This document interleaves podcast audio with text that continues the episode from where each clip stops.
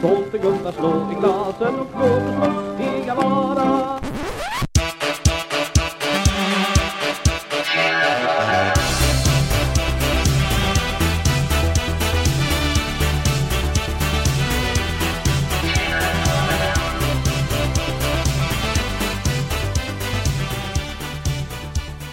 Hej, hej, du lyssnar på Fyllepoddens nyårsspecial i samarbete med IQ. Gå in på iq.se och läs mer om vad de håller på med. Jag heter Cissi Wallin och ni heter vad då? Bianca Meijer. Anita Schulman. Det här är sista avsnittet för i år. Eh, vi ska då självklart snacka lite om nyår. Eftersom det är nyår jätte, om några dagar, jättesnart.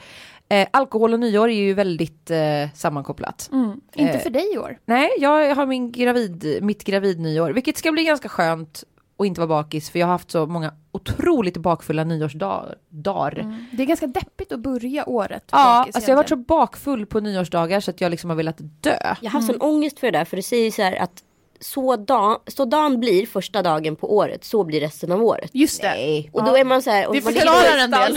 svinbakis, bråkar med sin snubbe Ja. och liksom då vill, då vill man ju typ så här, gå och hänga sig lite så. Hur, men eftersom jag då inte ska dricka i år så kan jag bolla till er. Hur, ni som kan eller brukar dricka, hur ska ni göra? Jag ska fira med en eh, nykteristkompis. Ni två liksom? Ja. Ja. Jag har funderat på, alltså jag tänkte så här, då kanske det är artigt att inte dricka. Men I alla fall jag inte hade, bli svinpackad. Jag vet, jag hade eller? ändå tänkt att eh, dricka faktiskt. Vilket är, är lite oroväckande. Att jag ändå så här vill dricka fast jag ska vara med min nykteristkompis. Fast det är väl inte oroväckande, det är ju hennes beslut, det är ju inte ditt. Ja, ja. Fast Men det det blir, också jag har tänkt så här, bara, hur mycket, så här, hur mycket ska jag köpa med mig och sånt där. Det blir ändå, det blir ändå lite så här, alltså tydligare då hur mycket man dricker. Det man här dela en vinare funkar ju inte då. Nej, då blir det ju verkligen så här, det här är bara till mig. Då får du Ja. köpa små flaskor. Du får köpa så här, tre små flaskor. En röd, röd, en vit och en champagne. Ja, just det. Vi har inga dåliga idéer nu Anita. Ja. Nej, verkligen inte. Det här är en ansvarsfull podd. Hur ska, hur ska du göra? Två små barn, eh, man. Ja, alltså. Blir det rajtan, night, äh, inte så, ja, fyllerajtan kan jag säga. Nej, det blir nog inte fyllrajtan. Jag är lite så här, jag är mitt emellan där du är kan man säga och Bianca. Alltså Ja. jag får dricka men jag har fortfarande ett ansvar eller vad man ska kalla det för. Ja. Så att jag har sex månaders hemma, eller då sju. Jag tror inte att du är superglad ifall jag är pangfull ärligt talat. Så att Nej, han kommer bli rätt. jag känner att eh, ja, det blir något mellanland. Det blir nog en vuxen trevlig middag. Men ska och barnen så vara man med? hem. Ja, det tror jag. ni- ja. Det blir eh, alltid nyårsafton med barn. Det är så, blir svårt det för barnvakt också då. Ja, Ja. då får man någon som inte firar nyår, men det gör ju typ alla människor. Men exakt. Hörni, vi ska prata mer om det här ämnet idag. Vi har en gäst som är väldigt intressant, kontroversiell. Marcus Birro kommer hit. Och vi ska, eh, han kanske inte behöver en närmare presentation. Nej, han har väl varit lite i suset och duset. Jag har en historia med honom. Den ska du Åh. få dra, inte nu. vi Nej men gud vad du är hemskt! Ja men om du säger, du smashar ju liksom upp det för mig här eller vad säger man? Du, du, du plöjer upp banan för Jag plöjer mig. upp banan men då måste jag ju säga det till hans ansikte. Han är inte här än. Kan vi Ja informera. men det kan du väl göra? Gör det. Det tycker jag.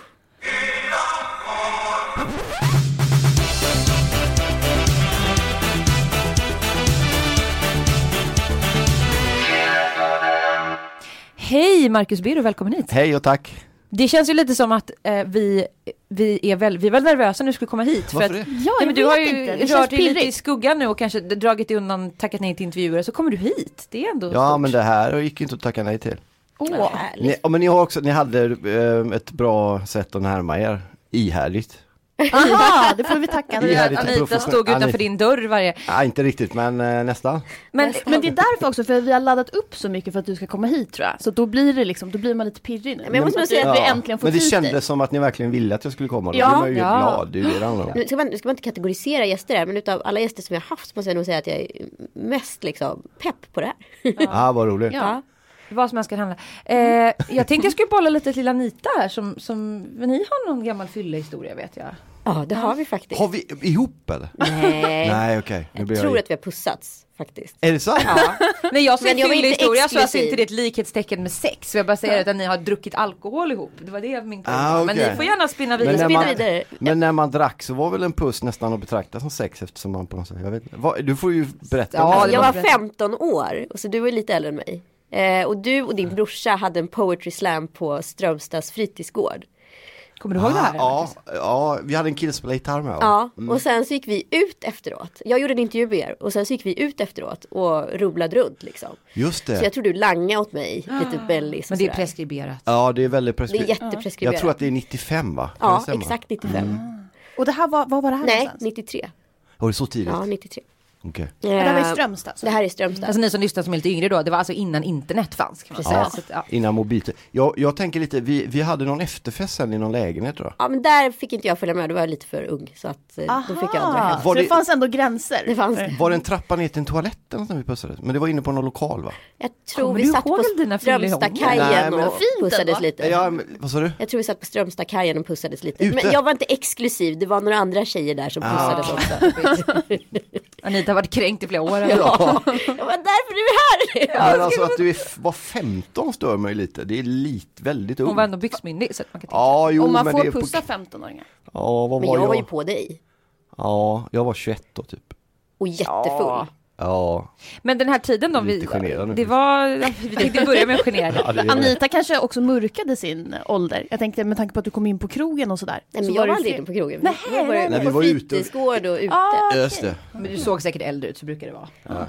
Låter bättre för mig. Det hade nog inte spelat någon roll i det tillståndet jag var i antagligen. Men jag måste glida in på det då. Det här är ju ingen, det här är ingen skuld och skam utan mer bara nyfikenhet. Om det var 93 säger vi. Var det när du var i ditt super-esse? Ja, eller? kan man säga. Det var verkligen, verkligen så. Jag började dricka 89.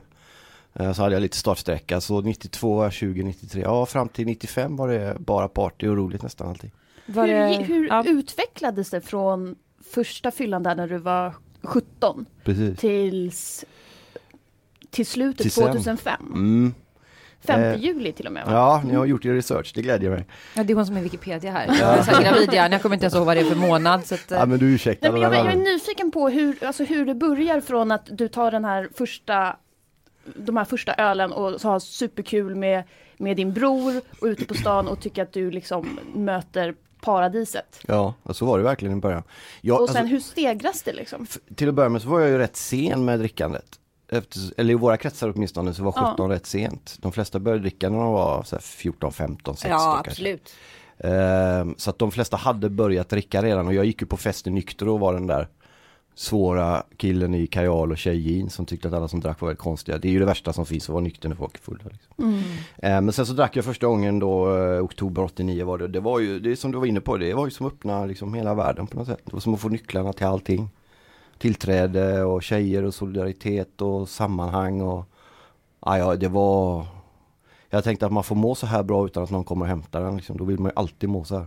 Men det är ju lite intressant att du säger det, för många som beskriver sin första fylla hade ju jätte så här, ja jag spydde efter tre sidor i en buske och sen så fick jag klamydia. Alltså du, för dig var Ja. det bara härligt. Ja. ja. Och, men jag tror att de som, som har den upplevelsen, de kanske inte blir alkoholister heller. Nej. De har ett mer sunt förhållande till det. För mig var det ju, min missbrukspersonlighet slog ju igenom direkt liksom. Vad hände då? Eller hur yttrar det sig då? Eh, att jag kände att jag mådde, jag, jag, jag mådde mycket bättre när jag drack än när jag inte drack. Var det var- lite som, förlåt nu avbryter jag dig men Det jag har haft min historik, inte lika grovt som du, men jag har ju battlat med så här, var jag alkoholist? Men nej, så gick jag till en alkoholterapeut för några år sedan och bara, men du drack, du hade ett beroende då. Ja. Och nu är jag gravid så nu dricker jag inte, men nu kan jag så här, dricka vin till maten ibland, Mm. annars. Och hittat, men det är fortfarande lite problematiskt för mig, men det jag kan tänka som jag kanske tror att du känner igen dig det är det här att när man dricker så är man liksom alltid några steg före alla andra som dricker. Alltså när de är inne på sin andra så är man inne på sin fjärde och så är man så himla målmedveten i sitt drickande. Och Absolut. så var det för dig också antar jag. Ja absolut, jag kunde ju lura folk att jag gick ju hem från krogen vid tio redan Mm. på kvällen och folk tänkte att han, han sköt sig rätt bra. Då visste de ju inte att man hade gått upp klockan åtta och börjat dricka på morgonen liksom. Jaha, så. jag var ju helt slut klockan tio på kvällen. Ja, för du sa ju det här att det som skilde ut dig har du sagt var att du började ta de här återställarna, Ja. började dricka tidigt på morgonen och Ja. så. När, när började du med det? Det var nog runt där när vi pussades. Anita-tiden där, ja, 95? exakt. Det hade inte med det att göra. Nej, men Jag vill säga, jag kör rubriken så här, Anita Schulman fick mig. Det var som Dennis Lyxzén nu så här, jag började dricka igen av när han hade ett förhållande med hon Amanda Jensen så det var hennes Ah, fel. okay. ja, nej man ska aldrig skylla, det var, inte, det var inget med det att göra men det var, i det den, tur. det var i den, i den vevan åtminstone när jag var runt 20 där som jag tog åt, återställare ja. Och tyckte att det var det bland det vackraste jag hade varit med om. Ja. Det, för det var ju, alltså när man, när man tar återställare, eller jag tog återställare, då blev man ju full utan att man kände sig packad liksom. Och det var ju det bästa fylla, man var inte snurrig, man slöddrade inte, man gjorde inga, man var totalt fokuserad, helt klar. Lite grann som droger är nu, kan vara. Men jag kan, jag kan förstå det tillståndet för det är precis när man är, om man har festat en hel natt och så går man upp och så kanske man så här liksom fortfarande full när man Ja. vaknar. Man känner sig så löjligt skärpt. Ja, På något exakt. konstigt sätt. Precis, och den känslan förbättrar du om du dricker på morgonen. Men där märkte jag att jag skilde ut mig, John och någon till då, som också blev alkoholisten, eller var alkoholist och missbrukare. Eh, beroendepersonlighet. Ifrån de som vaknade efter en fylla och tyckte att det var det äckligaste som fanns att dricka öl på morgonen. Vilket Ja. är den normala reaktionen. För jag tänker också att reagerade inte omgivningen på det? För det är inte så många som dricker morgonen efter. Men du hade den här John då som du drack tillsammans med. Eller drack du smyg då? Eller? Jag gjorde båda. Men jag rörde mig i kretsar där det, där det var helt okej att, att dricka. Och, och även- det var lite punk och... Ja det var mycket punk och kultur och litteratur och läsa dikter. Ja, men och där drack så. man ju liksom på jobb, alltså Ja, om man jämför med de som typ jobbar på bank. Eh, För jag vet ju när jag tog studenten så var det folk som fick jobb direkt på någon, började plugga och det är så här, ordning, gå på Handels och så. tidigt liksom. Ja och det är inte okej att komma full till banken. Nej. Men det är okej att komma full till om man jobbar på en teater eller om man jobbar Ja. på en, något annat kultur. Liksom. Precis. Ja, det, var ju finns ju ingen- en romantik i det. Ja, oh ja, det finns väldigt mycket romantik och i de kretsarna jag rörde mig så var det väldigt mycket sånt. Så, eh, och jag hade ju inget jobb liksom. Nej. Ungefär som nu man nog. Men eh, så jag levde ju på socialbidrag och liksom tog, jobbade på någon bibliotek någonstans och öppnade böcker och lämnade in tidningar. Så så att det fanns ju alla möjligheter till att dricka liksom. Det blev en livsstil närmast. Men vi- 2005 eh, var liksom brytpunkten kan man säga. Ja, För dig. För de som inte har läst och inte vet, vad var det som gjorde att du, vad hände? det var mycket som hände. Dels hade jag ju, jag hade flyttat från Göteborg som var den största anledningen 2004. Första Till januari. Till Norrköping. Norrköping, just det Mm. precis. träffat en tjej där som jag numera är gift med. Som eh, ställde ett ultimatum mer eller mindre. Jag kom, jag kom till en, eh, ett sammanhang där jag insåg att jag hade fått en chans som jag nog inte var värd. Och jag tror att Av får- henne då eller av Ja, inget ultimatum så men jag kände det att den här chansen som jag nu har fått är jag nog inte värd. Och jag tror att chansen man får som man inte är värd bör man ta. Jag. Mm. Så jag tog den. Så jag, det, det var mycket som hände på en gång där jag var väldigt sjuk. Jag vägde väldigt mycket, 20 kilo nästan mer än vad jag gör idag. Jag hade gikt som är en sån här fyllesjukdom kan man säga. Det är eh, lederna va? Ja eller? exakt, i stortån där. Port, portvinstå kallas det. Portvinstå. Du Väldigt skrattar, ja, ovanligt att Ja, jag, är, tidigt. ja, men det är, va? Det måste vara Sveriges yngsta portvinstå. Ja du faktiskt. Det var, jag tror det var ett getingstick när jag gick till läkaren och stod han provade så att du har fått gikt. Och jag gikt? Det är bara gamla fyllegubbar som får. Så jag höll på att bli en gammal fyllegubbe då. Eh, och sen hade jag ju alltså skulder, kronofogdskulder och ingen karriär och ingen brydde sig om det jag skrev och ingen brydde sig om någonting jag gjorde. Så jag tänkte jag måste ta tag i det här. Så jag, jag gick till Anonyma Alkoholister och fick hjälp. Mm. Det var 2005. Ja. Och sen vände hela mitt liv på ett och ett halvt år. Men är det inte så? Det är så konstigt det där.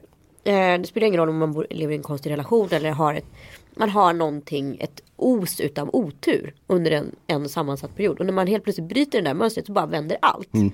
Är så konstigt. Ja, det är jättemärkligt. Jag kommer ihåg jag hade, tog en fika med en kompis någon månad efter jag blivit nykter. När jag bodde i Göteborg fortfarande, jag hade kvar lägenheten där men bodde i Norrköping, satt och fika med honom så sa jag det. Det är så roligt nu sen jag slutat dricka för även det verkar som det har hänt någonting bland, med grannarna också. Att de också har kanske brutit något missbruk och så, för de är väldigt trevliga att heja på en i, i trapphuset. Jag kunde inte se att om du plockar ut en person i ett sammanhang, jag då, och ändrar honom så ändras ju Ja, ja visst. alla De kanske inte cirklar. vågade hälsa på dig Nej exakt, eller typ eller jag tyckte- var otrevlig, odräglig gick där med mina Ja. spritflaskor och luktade illa och muttrade för mig själv. Mm. Så jag kunde inte se att det var jag som hade förändrat och det så, även hade förändrat cirklarna runt omkring mig. Det var faktiskt stort.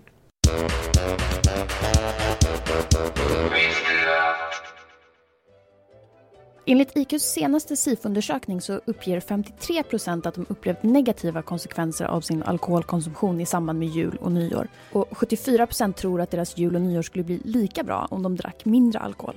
Det finns all anledning att ifrågasätta bilden av alkohol som en given stämningshöjare, säger Magnus Jägerskog, VD på IQ.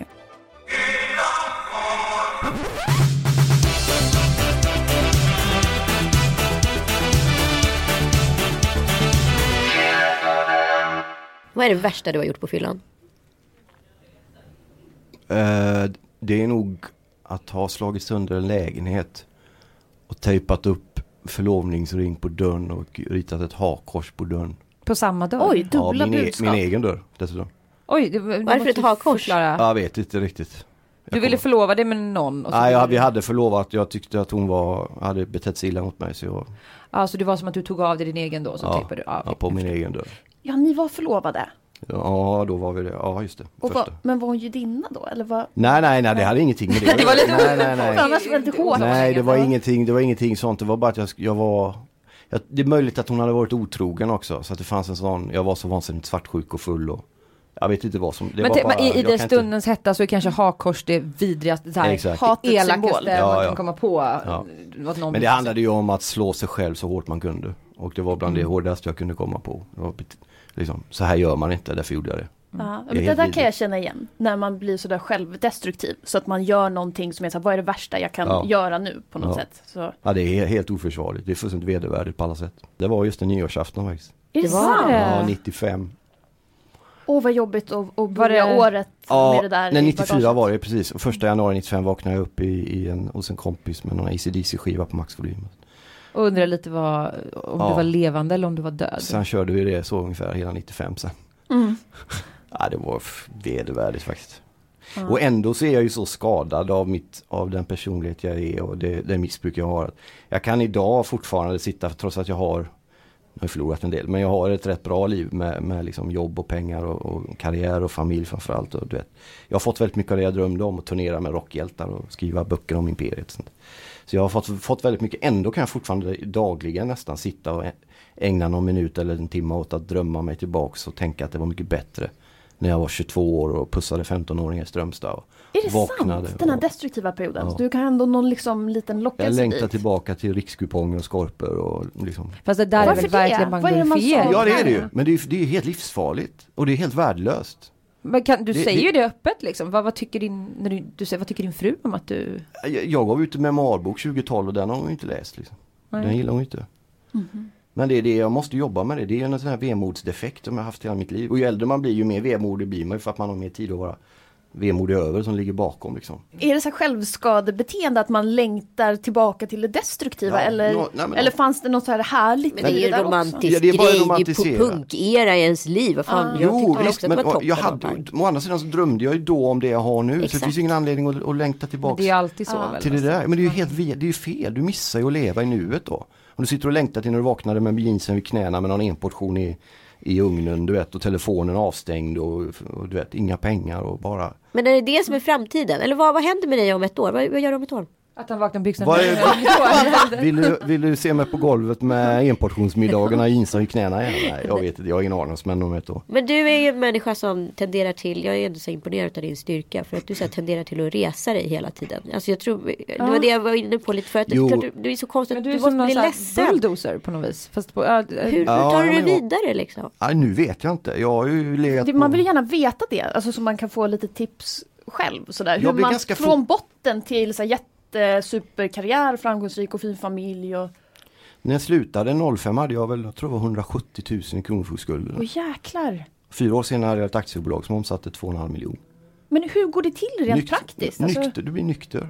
och då kan- löser sig allt bara Nej men mycket av den eller? kraften som missbrukare har, beroende och fyllon, som de lägger på sitt missbruk. Om du slutar missbruka så är den kraften fortfarande intakt och kvar. Riktar du den utåt och på saker så har du en, så har du en stor kapacitet till, att- till att lyckas med det du vill göra. Ja det finns ju lika mycket representation på parkbänkarna som det finns i liksom ledningsgrupps, Exakt. ledningsgrupper. Ja men det är ju en, ett extremt sätt att leva. Sen kan man kalla det, jag har en ADHD-diagnos, det behöver man inte ha. Man, alltså, alla har inte det. Men, men att man, man kanaliserar, man, man blir manisk nästan. Ja lite så, absolut så är det ju. Menar- och det behöver inte vara negativt om man är... Om man, Nej men det är inte normalt heller. Nej, det är Inga jämförelser i övrigt, nu vill vi inte prata om Ulf Lundell så mycket i det här bordet. Men han är, han är bara blogga kan man läsa. Ja jag vet, han har gjort det.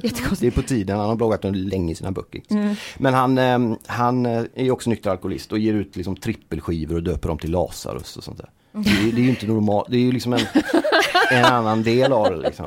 Jag, jag tänker på din offentlighet. Mm. För om man säger 2005, då flyttade jag till Stockholm och började liksom röra mig i mediekretsar lite. Och då fick man ju, ja men de åren så blev ju du en person som man väldigt snabbt fick koll på. Mm. Även om inte jag läser så mycket sportgrejer så var det så här, men man vet vem du är. Mm. Och du var ju väldigt öppen med dels eh, att du har fått barn som har dött, Mm. eller hela den biten. Och dels också din alkoholism. Mm. Och många har ju kritiserat dig för att säga, gud han är så smetig och måste man berätta allting och vad, vad känner du där? Har, kan du ångra att du har varit så transparent? Nej, det tog. Det är bland det bästa jag har gjort tror jag, skriva om saker som jag vet att För jag har ju fått väldigt mycket stöd också från människor som själva har gått igenom missbruk, människor som själva har förlorat för tidigt födda barn och så. Mm. Och det betyder ju väldigt mycket mer att få den responsen för det jag skrivit när det gäller de grejerna än, än den kritik man kan få. Men jag kan ju förstå det. Men då, fin- då, det finns ju någonting som heter att man kan ju sluta att följa någon eller sluta läsa någon och sluta bry sig om. Det verkar vara det svåraste som finns. Ja, exakt. Mycket lättare att gå in och förändra någons liv. Ja, och Jag måste arg. tvångsmässigt läsa allt du skriver så kan du ändra dig för min skull. Ja, lite så. Men där 2005 så blev du nykter och sen så har du sagt att du blev lite fartblind sådär. Och som att du trodde att du hade blivit frisk kanske Jag lite tror- för fort. Ja, och så- och så, tog du återfall. Ja. Och då hade du, när du, jag vet inte om det var ditt första återfall, men du, du skulle uppträda i en kyrka. Ja, just det. Och så ringde du dit och, och avbokade och var ärlig då med att du hade tagit ett återfall. Mm. Och så sa prästen till dig då att, att om du inte är välkommen när du tar ett återfall så, så när. När man- sånt väldigt fint. Ja. När Så man, då gick du dit? Ja, jag var inte jättefull, jag hade druckit lite vin men det var ju tillräckligt såklart. Mm. Eh, och det var, det var väldigt starkt, jag lyckades ju bryta det återfallet efter ett dygn bara. Och det tror jag gjorde mycket av den anledningen att jag var där. Men vad fick dig att göra ett återfall? Eller, alltså, Ja, jag, och just jag vet inte hur det då. funkar. Äh, äh, Alltså återfall ingår ju i hela, det är nästan ingen som blir nykter som inte tar ett återfall. Men, men ehm, det är ju ingen ursäkt för att göra det sådär. I mitt fall så var det, jag, jag har ju en reumatisk sjukdom också som gör att jag fick starka värktabletter. Ja. Och jag hade suttit på många A-möten där du vet, tanter framförallt då, eller äldre kvinnor så. Hade pratat om att de hade bytt sprit mot tabletter. Och jag tänkte, ja det där kommer jag ju aldrig göra i alla fall. Liksom. Men det var precis vad jag gjorde. Så då fick jag även sömntabletter i den vevan för jag sov väldigt dåligt. Ja, Och sömntabletter är ju som sprit om man inte går och lägger sig på dem. just det. De går på samma receptorer i hjärnan. Ja, ja, för det blir lite slow bara. Ja, och det blir snurr. Det är som att dricka ett glas vin typ, eller tre. Så jag tog sådana på dagen. Eh, och, och blev lite lullig och kom till ett hotell i Göteborg och så öppnade jag en flaska vin bara. Så jag var liksom berusad innan redan. Just det, så du hade suddat ut ditt omdöme. Ja, kanske. exakt. Var det att du hade ont just den dagen eller var Nej, det det var sömntabletter. hade... Nej, jag, jag hade bara fått de där sömntabletterna. Ja. Som jag kom på att man kunde missbruka dem. Men, Men- du började behandling sen? Ja, Eh, fyra timmar om dagen i två ja veckor? öppenvård. Ja. Och då sa du att du hade, lärde dig mer om dig själv på två veckor än vad du hade lärt dig på 40 år. Ja, vad var det faktiskt. du lärde dig? Men- Vilket år var det här? Ja, det här är tre år sedan tror jag, snabbt, Ja. så det är rätt nytt. Nej men det var skönt att komma, jag är ju en frukt, för de som inte upptäckt det en väldigt narcissistisk person ibland. Men, också, om Men det är vi allihop här. Och, Ja. ja. om inte annat väldigt Du är gott självcentrerad. sällskap. Eh, Det är skönt att du har insikt om det i alla fall. Det är Ja, många men som inte jag, har. Det har jag haft länge. Eh, men eh, det- kändes väldigt bra att komma underfund med ungefär vem man är och inte vem man tror att man är. Eller vem man vill att andra ska tro att man är. Vem är du då? Ja, jag, Åh, 10 000 jag vet inte exakt. Ja men jag är nog en betydligt tystare och blygare och räddare man än vad jag kan göra sken av i någon form av offentlighet tror jag. Jag är väldigt dålig på att parera grejer. Men hur mycket, hur stor roll har religion, alltså kristendomen spelat in i ditt Gud, tillnyktrande? Nej, Gud var viktig för mig. Jag, var ju, jag har ju varit troende långt innan jag blev nykter. Men däremot så spriten är ju som ett nät där allt fastnar i. Liksom. Alla relationer, mänskliga och andliga. Så det blir lättare att ha en kontakt med Gud när man blir nykter. Mycket lättare. Men tror du att du hade haft svårare att bli nykter om du inte hade varit troende? Jag tror att Eller all... religiös, Ja, eller? det tror jag. Ja. Jag menar, om går man på Anonyma Alkoholister som många gör där, det är ju ett väldigt andligt program. Det talas ju mycket om Gud. Ja, sen kan man ju välja. Ja, Gud vad, vad man vill. Ja. Det en, står jag, jag har ju gått på A lite grann till och från när jag har experimenterat med om jag var alkis eller inte. Och då är det ju någon jag vet träffat som har tillbett en Bob Dylan-affisch till exempel. Mm. Bara för att liksom ha någonting. Så här. Precis, eller gruppen som sådan. och så. Ja, eller precis. Men att det finns en högre makt någonstans, något som är starkare än min egen vilja. Mm. Och för min del är det inte svårt att tänka så därför att så länge jag gjorde vad jag ville bara så slutade det med att jag satte nerpissade kalsonger, drack Baileys till frukost och skällde ut mina grannar utan anledning. Mm. Det är vad jag ville. Om jag gör vad jag vill idag kanske inte jag hade suttit här. Då hade jag kunnat sitta på en parkbänk och druckit nu för det är vad jag egentligen vill. Men om jag lyssnar på vad Gud vill som jag kallar honom då. Eller vad andra människor vill att jag ska göra så är oftast den viljan mer kärleksfull mot mitt liv än vad min egen är. Det är en rätt jobbig insikt att komma till för jag tror de flesta av oss vaknar på morgonen och tänker det jag vill med mitt liv idag det är nog det bästa för mig. Jag vill vet. göra det och det för det är Men bra. det är ju lite from-baserat teorin. Alltså den fria viljan. Att så här, om vi nu bara hade liksom fallit för våra frestelser och varit de apor vi varit. Hade vi gjort precis det Ja. du säger. Det är ju Gud som på något sätt får oss in i leden. Eller Ja, lite så. Men jag bara tänker på, för att jag läste en sån där Expressen-chatt som du, som du skrev i. Och Mm. då var det en, en kille som hörde av sig till dig och berättade att han hade slutat dricka för att hans eh, fru hade ställt ultimatum. Mm. Och då sa du att du tyckte att det lät som de vita knogarnas eh, Nykterhet, nykterhet. Ja, Mm. det var menas- fint. Ja, vad menar Ja, men du då, det? alltså att du, du menade då att, eh, att han borde göra det, alltså det, att det inte var hållbart, att han borde vara nykter för sin egen Det skull. går inte att vara nykter för någon annans skull. Men, men Guds skull går det att vara ja nykter fast det för? är ju inte, det är en annan, det är inte en annan människa, det är ju en makt som hjälper dig också. Okej, så det är inte... Det är, en annan, det är en annan sak. Det blir en annan dimension då. Ja, för Gud är en del av dig också kanske? Ja, och det är inte det att man är nykter för Guds skull utan man får hjälp att hålla sig nykter när man ber. Och, Okej. och om ja. jag känner för att dricka så går jag undan, läser Bibeln, går i kyrka och ber och tänker jag vill egentligen inte det här. Liksom, hjälp mig. Ja. Men tänk dig, du sa också att det var så himla slående hur lika allas historier var när du gick på de här AA-mötena. Mm. Men det inte, finns det inte också en unik aspekt av varje alkoholberoende? Jo, det gör det ju säkert men, men för mig var det ändå det slående att det fanns så mycket som var likt. Ja. Eh, och att det unika i så fall band oss samman ändå. Man kunde sitta med någon man tänkte vad är det här för person? Och så börjar han eller hon berätta om sitt liv. Och tänkte, man, okej, det där är ju min historia liksom. Mm. Men kan du liksom se, eller kan du känna av om en person är en sån som har problem med spriten eller inte? Ja. För jag tänker det är svårt, alltså det är svårt Ganska att veta fort. om man är en sån som dricker för mycket eller om man är alkoholist också. Jag tror många har svårt att kanske ta hjälp just för att det blir så tabubelagt och så här antingen ska man vara alkoholist eller så är man helt okej sådär. Men att, bli, att vara alkoholist är bland det bästa, alltså att erkänna för sig själv att man är alkoholist är bland det bästa man kan göra. Jag har haft väldigt mycket roligt med spriten. Och jag har också blivit en hyfsat bra människa på grund av att jag har brutit med den. Och vad det har lärt mig om vad människor är och vilka det är man Jag ser väldigt sällan ner på folk som du är inne på Anita, om man- på parkbänkar och vad det kan vara. Därför att Det är ju ett annat perspektiv. Ja, oh, väldigt mycket ett annat perspektiv, bättre perspektiv. Och jag då som är, ska vi flagga lite för den här nyans mellanvärlden, att så här, vi är nog ganska många som kanske inte kan fylla kriteriet alkoholist, för jag har aldrig druckit på morgonen och sådär, men som absolut är beroende personer som Mm. under fel, fel eller förutsättningar då hamnar i problem. Men det är en mycket Ja. viktigare insikt att komma till. ja, Strunt samma så det kan ju utvecklas Precis, för ibland kan det bli till lite för... Alkohol eller något annat. Sex, Ja. mat, tabletter. du Liksom. Tror du att du skulle kunna träna upp dig själv att kunna dricka? Ja, under några månader skulle jag nog klara. Men förr eller senare skulle det rasa ihop. Jag Det finns ju vissa forskningsstudier som säger att det går. Ja, å andra sidan har an- anonyma alkoholister på ett huvudkontor i USA har de en stor ram som är uppsatt direkt på väggen så här utan bild i.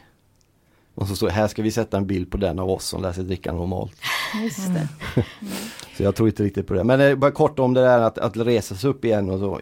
Det har jag ju gjort under omgångar och så. Det som är det svåra nu, svårare i så fall, det är ju att jag faktiskt har liksom ehm, Jag har ju uppnått väldigt mycket som jag nu har förlorat. Då är det svårt att liksom komma tillbaks till det. Jag får nog hitta någon annan väg för att, för att komma upp igen efter det här. Vi får se.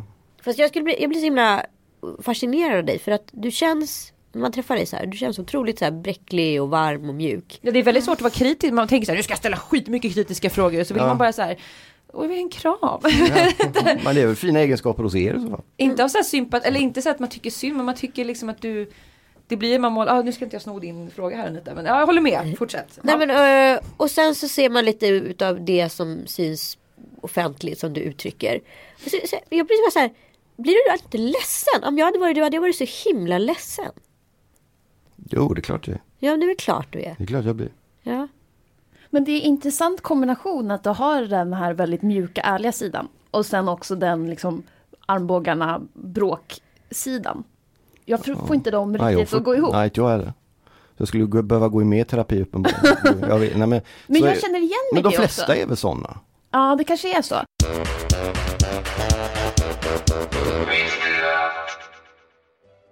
IQs tre tips inför jul och nyårsfirandet är 1. Våga bryta tabut och prata om alkohol.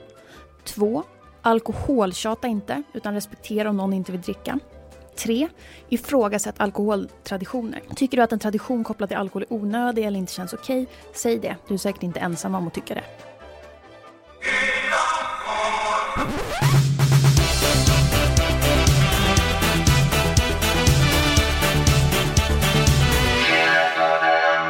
Vad gör du nu Marcus? Jag söker jobb. Du söker jobb. Ja. Mm, vad då för Jobbar typ du av- någonting? Jag skriver på en ny roman som alltid. Ja. Om flykt faktiskt, precis. Människor som flyr saker. Och det är ju jättepassande Ja, det är det alltså, faktiskt. Jag alkohol på är ju en flykt. Ja, oj, i högsta grad. Är den du har ju en väldigt bok självbiografisk? heter- Nej, inte så självbiografiskt faktiskt. Nej, den om frågan får man ju ofta. En massa kvinnor den här gången, det är roligt. Oj, spännande. Ja. För den här, jag tänker på den här boken Flyktsoda. Mm. Vad handlade den också Den handlar ju flykt, om, här var ju min, min berättelse om alkoholismen ner i, i Den skrevs på fyllan i stort sett hela den. Sen blev jag nykter efter Mhm. den. Precis efter den boken. Vi pratade ju om nyår i det här programmet vilket vi liksom lite tappade men det känns Ja. helt okej. Ja, Eh, det känns inte som att det är en, jag vet inte, det har inte varit så mycket snö och så. hur, vad har du Nej. för relation till nyår? Vad brukar det innebära för dig? Jag tror det är Charles Bukowski som sa att nyår är amatörernas afton lite. Han höll, han, Alkoholamatörernas. ja, han var, var, drack ju mycket kan man säga. Han, han höll sig alltid nykter på nyårsafton för han tyckte att det var du vet, svennarnas fyllekväll. Liksom. Jag har ingen speciellt bra relation till nyår. Jag brukar göra misstaget när jag drack att gå ut dagen innan nyår. Jaha, ja, skjuta ut dig totalt. Ja, exakt. Skjuta ut. Precis, jag var bakis på nyårsafton och gick och grät i någon park där och lyssnade på Lundell eller något sånt där patetiskt. Gud vad klyschigt men Ja, ja. ja, jo men jag är ju en klyscha, framförallt när jag var yngre. Eh, numera är det ju, handlar det ju om att barnen ska ha det roligt liksom. Och se Ja. lite raketer och. Försöker ni hålla borta barnen? För vi pratade om det förut, Anita ska Ja, ni dricker nyår. ju inte i er familj har jag förstått. Nej, inte, Alltså, inte runt in- jul och nyår, nej, nej. det gör vi inte. Faktiskt. Det Nej, finns- men- Som för- ett ställningstagande. Ja men just det här att du har ju två små barn Anita och ni ska ju fira med dem och dricka lite vin till maten och sådär. Hur ser det ut i er? Jag tänker inte bara just du och din fru utan om ni har Nej, de släkt och dricker så. också. Vi är hos äh, svärföräldrarna. Så De du är inte dricker hård lite. att så här, Nej, barnen nej. får absolut inte se när Nej, vuxna nej, nej. tar ett glas vin eller? Och det har med min tro också. Jag, jag skulle aldrig liksom ens läsa bibeln med dem eller tvinga dem att gå i kyrka eller prata om Jesus. Och sånt. Det, är, det är inte, det, jag, jag är inte sån, jag missionerar inte.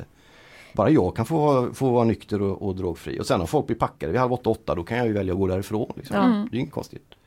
Det är inte förbjuda folk runt omkring att, inte dricka bara för man själv inte dricker. Vi ska lyssna på ett inslag med en amerikanska för att få lite omvärldsperspektiv hur nyårstraditioner funkar i USA.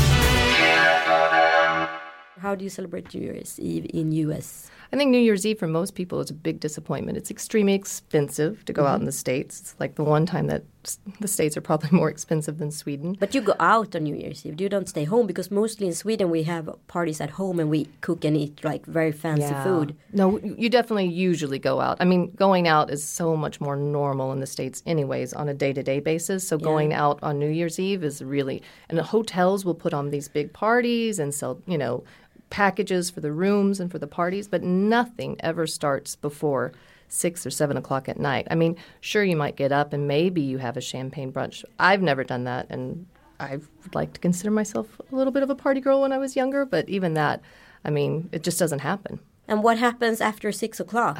Well, you go either you go to a hotel and you have dinner and they cater everything and then they provide the drinks, or you go to a restaurant and they'll do packages and then you'll start bar hopping. Um, of course, you you know you have taxis and Uber now that you can take out before you would drive yourself around with a designated driver. Um, there is the flip side that you have parties at home, but normally if you stay at home, it's because you're staying at home and you're going to be in pajamas and you're just going to be drinking your champagne out of your red solo cup and waiting for the ball to drop on the TV. So basically, US New Year's Eve is about going out, having dinners with friends, and Yeah. families. Families sometimes. Yeah. Um, or just maybe, I mean, of course, you have a couple friends over, but mostly it's either hanging out with your family. If you have a family, you're at home hanging out by yourselves. Maybe the grandparents come over for a little bit, or you get a babysitter and you go out to dinner. And Do then you do the firecrackers? Do you do all of that? It's organized. It's organized. No, you never, never do it at home. Oh, it's against the law to do firecrackers in the middle of the city. And kids, are they invited on New Year's Eve? Uh, it depends. Not normally.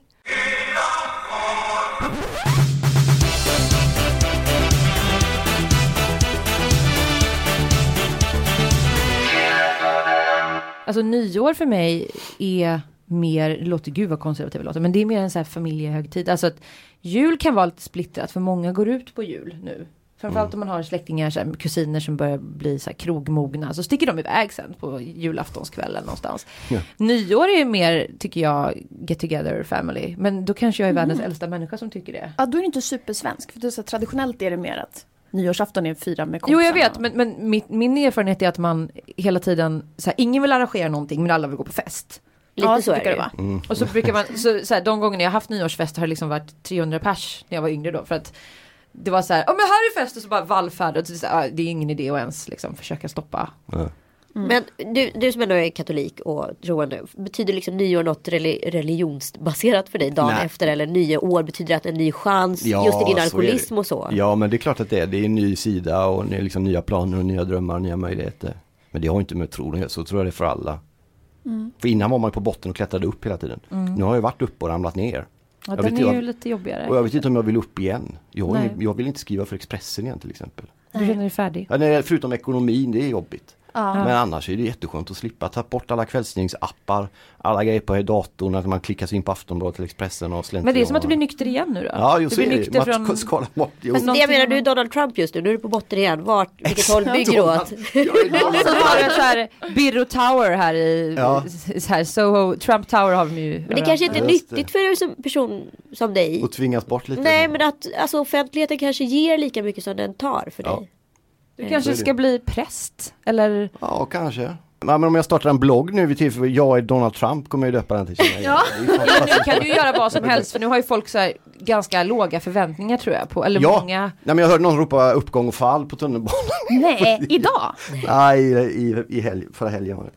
Men inte lite härligt alltså på något sätt också? Att du får så mycket Härligt. motstånd. Alltså jag tycker att det, alltså, det blir som en så konstant revanschkänsla skulle Ja, jag fast det känna. är jobbigt också. Det är en Ja. rustning man går runt i och det skramlar och ser lite fånigt ut. Liksom. Men, du, Churchill sa att okej, du har fiender, bra, det visar att du har stått för något i det här livet. Exakt. De som inte har fiender, de, de lallar med liksom. Vi tror att det står ett eh, Biro Tower i Göteborg innan du är 70 i alla fall. Tror du det? Ja. Med någon slags poesiinriktning eh, och sen finns det lite olika kultur valfriheter och lite religiöst och så. Det som hade varit jobbigt är för att komplicera min, eh, min personlighetsutveckling, det hade varit om det var Peter Birro Tower då. Ja, Nej, oh, vi ska inte ens komma in på det här med syskonrivalitet för då kan vi göra en halvtimme till. Ja, det får ta ett annat. Är ni helt eh, off nu eller? Ja, vi umgås inte alls. Nej, Varför inte det? nej jag tycker han har svikit mig. Varför har han gjort det? Det var ett projekt han jobbar med, som vi jobbade ihop med, en tv-serie. Som går nu i, i helgen för övrigt. Som vi skulle gjort ihop och han, han kickade ut mig och gjorde den själv. Varför det? Jag vet, du får fråga honom det. det är Men ni är väl två, är trist två bröder med ganska stora egon? Båda två. Ja, det kan man nog inte Och säga. då kan det lätt bli en Så kan det bli. krock. Ni var ju väldigt tajta då för 21 år Ja, sedan. oh ja, när vi var i Strömstad där, då gjorde vi allt tillsammans. Men han pussade dig va? Nej, han var alldeles för gammal för mig också. Ja, ja, bra. Du var ju den söta. Exakt. Det var det han ville höra. Ja, det det här nu. Tack snälla Marcus Birro för att du kom hit. Tack så jättemycket för att jag fick komma, det var roligt. Ja, jättekul att ha dig Det här. Det var jättekul att ha dig här. Ja, år. Nu kan det bara bli bättre, så får Ja, man det tänka. Har du något jobb till mig? Eh, Man kan ringa dig på Ja. 076 eh, Nej men tack så jättemycket. Det löser sig. Ja, det är klart det gör. Du lyssnar på Fyllepodden, gå gärna in på iq.se. Bianca har lite mer faktakoll. Vi pratar mycket idag om, om beroende och missbruk och alkoholism och så här. Där kan man göra en, ett litet test, eller hur? Så får man någon slags hum om, om man ligger i riskzonen. Precis. Om man kanske vill avlägga ett eh, nyårslöfte kring att dricka Ja. mindre. Eller? Den är ju ganska nyanserad också, apropå det Ja. vi pratade om. Så det, är, ja, det finns många nivåer. Man kan se om man bara behöver dra ner lite grann eller om man behöver klippa helt och hållet. Göra en. Marcus Birro eller göra en... Sissi. Nej, jag är väl någonstans, men, men kanske någon kungen kanske drack ett glas sherry för mycket och så slutade, jag vet inte. Ja. Skit i det, nu är det nytt år snart och vi hörs förhoppningsvis under det året. Jajamän, vi ses i vår. Hej, Gunnar slå i glasen och blå